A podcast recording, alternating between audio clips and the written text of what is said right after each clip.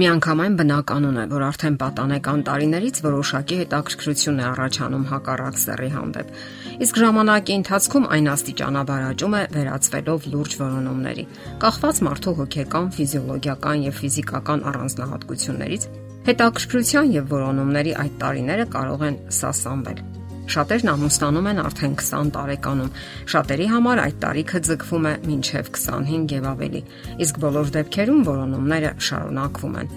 Հասկանալի է եւ միանգամայն բնական, որ հակառակ սեռերը ձգում են միմյանց։ Անբնական կլիներ հակառակը։ Անցնում է մի որոշ ժամանակ եւ པարս հետաքրքրասիրությունը վերածվում է գործնական հարաբերությունների։ Երիտասարդները հանդիպում են, զրուցում, կիսվում տպավորություններով, հույզերով, տեսակետներով ու աշխարհայացքով։ Այդպես նրանք սկսում են ճանաչել հակառակ սեռին իր ողջ նրբերանգներով ու առանձնահատկություններով։ Ամբողջ հիմնախնդիրն այն է, որ երիտասարդները հաճախ միայնակ են իրենց որոնումներում Հաճախ չեն վստահում ծնողներին, նույնիսկ զգուշանում են մտածելով, որ նրանք չեն հասկանա իրենց եւ քիչ չեն նաեւ այն դեպքերը, երբ ծնողները ցավոք լուրջ ասելիք չունեն։ Իսկ մասնագիտական խորհրդատվության նրանք դիմում են խիստ բացառիկ դեպքերում։ Հարցն այն է, որ մշակութային առանձնահատկություններից ելնելով եւ մտածելով, որ իրենք ամեն ինչ գիտեն, նրանք միայնակ են մնում իրենց որոնումներում։ Իսկ իրենց խորհրդատուն մնում են ֆիլմերը, գրքերը կամ էլ համացանցը, որտեղ ճշտի ու կեղծիքի սահմանները ճանաչելու համար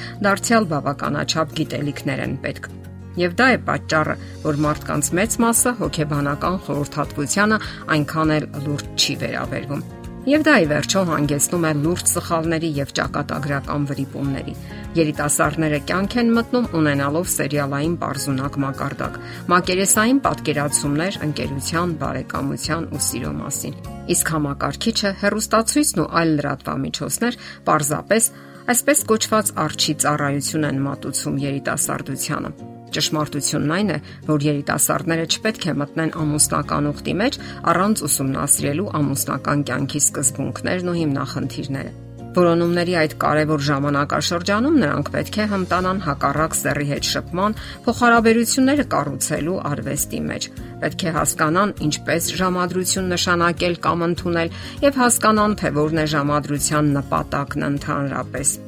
Եթե ժամադրությունները սխալ ընթացք են ունենում, ապա ամուսնությունները նույնպես սխալ ընթացք կունենան, եթե ոչ ճակատագրական։ Հարկավոր է այդ գործի մեջ ներգրավել թե մասնագետներին, թե ծնողներին։ Դա խորհրդատվություն պետք է լինի եւ ոչ թե պարտադրանք։ Վերջնական որոշումները կայացնում են երիտասարդներն իրենք, սակայն գիտելիքների իմացության որոշակի հենքի վրա։ Ահա թե ինչու արդարացված չէ մեծահասակների ճիշտ խորհուրդներն անտեսելը։ Որոնումների այդ կարևոր ժամանակաշրջանում երիտասարդները պետք է ողրզեն բազմաթիվ հարցեր։ Արդյոք դիմացինը ձգտում է ինքնակատարելագործման, ունի հիմնախնդիրները լուծելու կարողություն ու հմտություն, ունի սիրելու եւ սիրվելու ներուժ, աշխատում է սեփական բնավորության կատարելագործման վրա, թե ձգտում է միայն վերափոխել դիմացինի բնավորությունը։ Երբ կողմերը ձգտում են վերափոխել միմյանց, դա ողբերգության հանգեցնող ամենակարճ ճանապարհն է լրջությամբ պետք է վերաբերվել բոլոր հարցերին։ Եթե նույնիսկ անլուրջ վերաբերվեք, միևնույն է, ստիպված եք լինելու պատասխանել ավելի ուշ, երբ արդեն հնարավոր չի լինի շատ բան հետ բերել։ Ծանոթացեք այդ բնագավառում գոյություն ունեցող լավորակ գրականությանը։ Դուրք մի տվեք ժամանակի տրամադրություններին։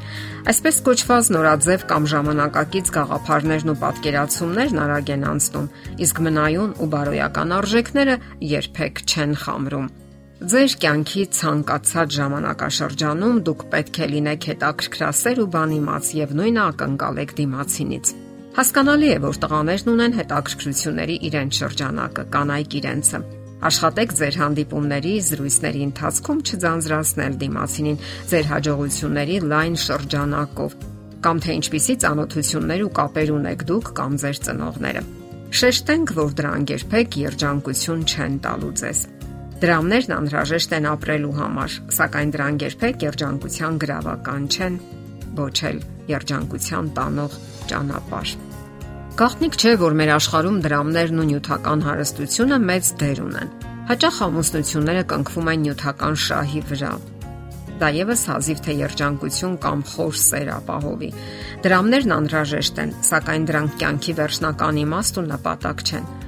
Ավելի շուտ ծրագրավորեք ձեր կյանքը ունենալով նյութական կայուն ու հաստատուն եկամուտներ, որոնք անհրաժեշտ են ձեր ընտանիքի բարօրության համար։ Ասենք որ շատ տղաներ սիրում են անընդհատ խոսել իրենց մասին եւ գլուխ գովել։ Այդպես անում են սովորաբար թերարժեք, ամաչկոտ եւ սահմանափակ մարդիկ։ Պարզապես հիշեք, որ դրանք եւս չեն բարձրացնում ձեր ինքնարժեքը։ Եղեք բնական, որովհետև վաղ թե ուշ ժամանակի ընթացքում դուք բացահայտելու եք ձեր իսկական դեմքը։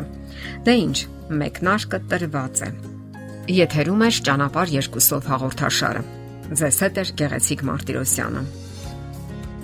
Հարցերի եւ առաջարկությունների համար զանգահարել 033 87 87 87 հեռախոսահամարով։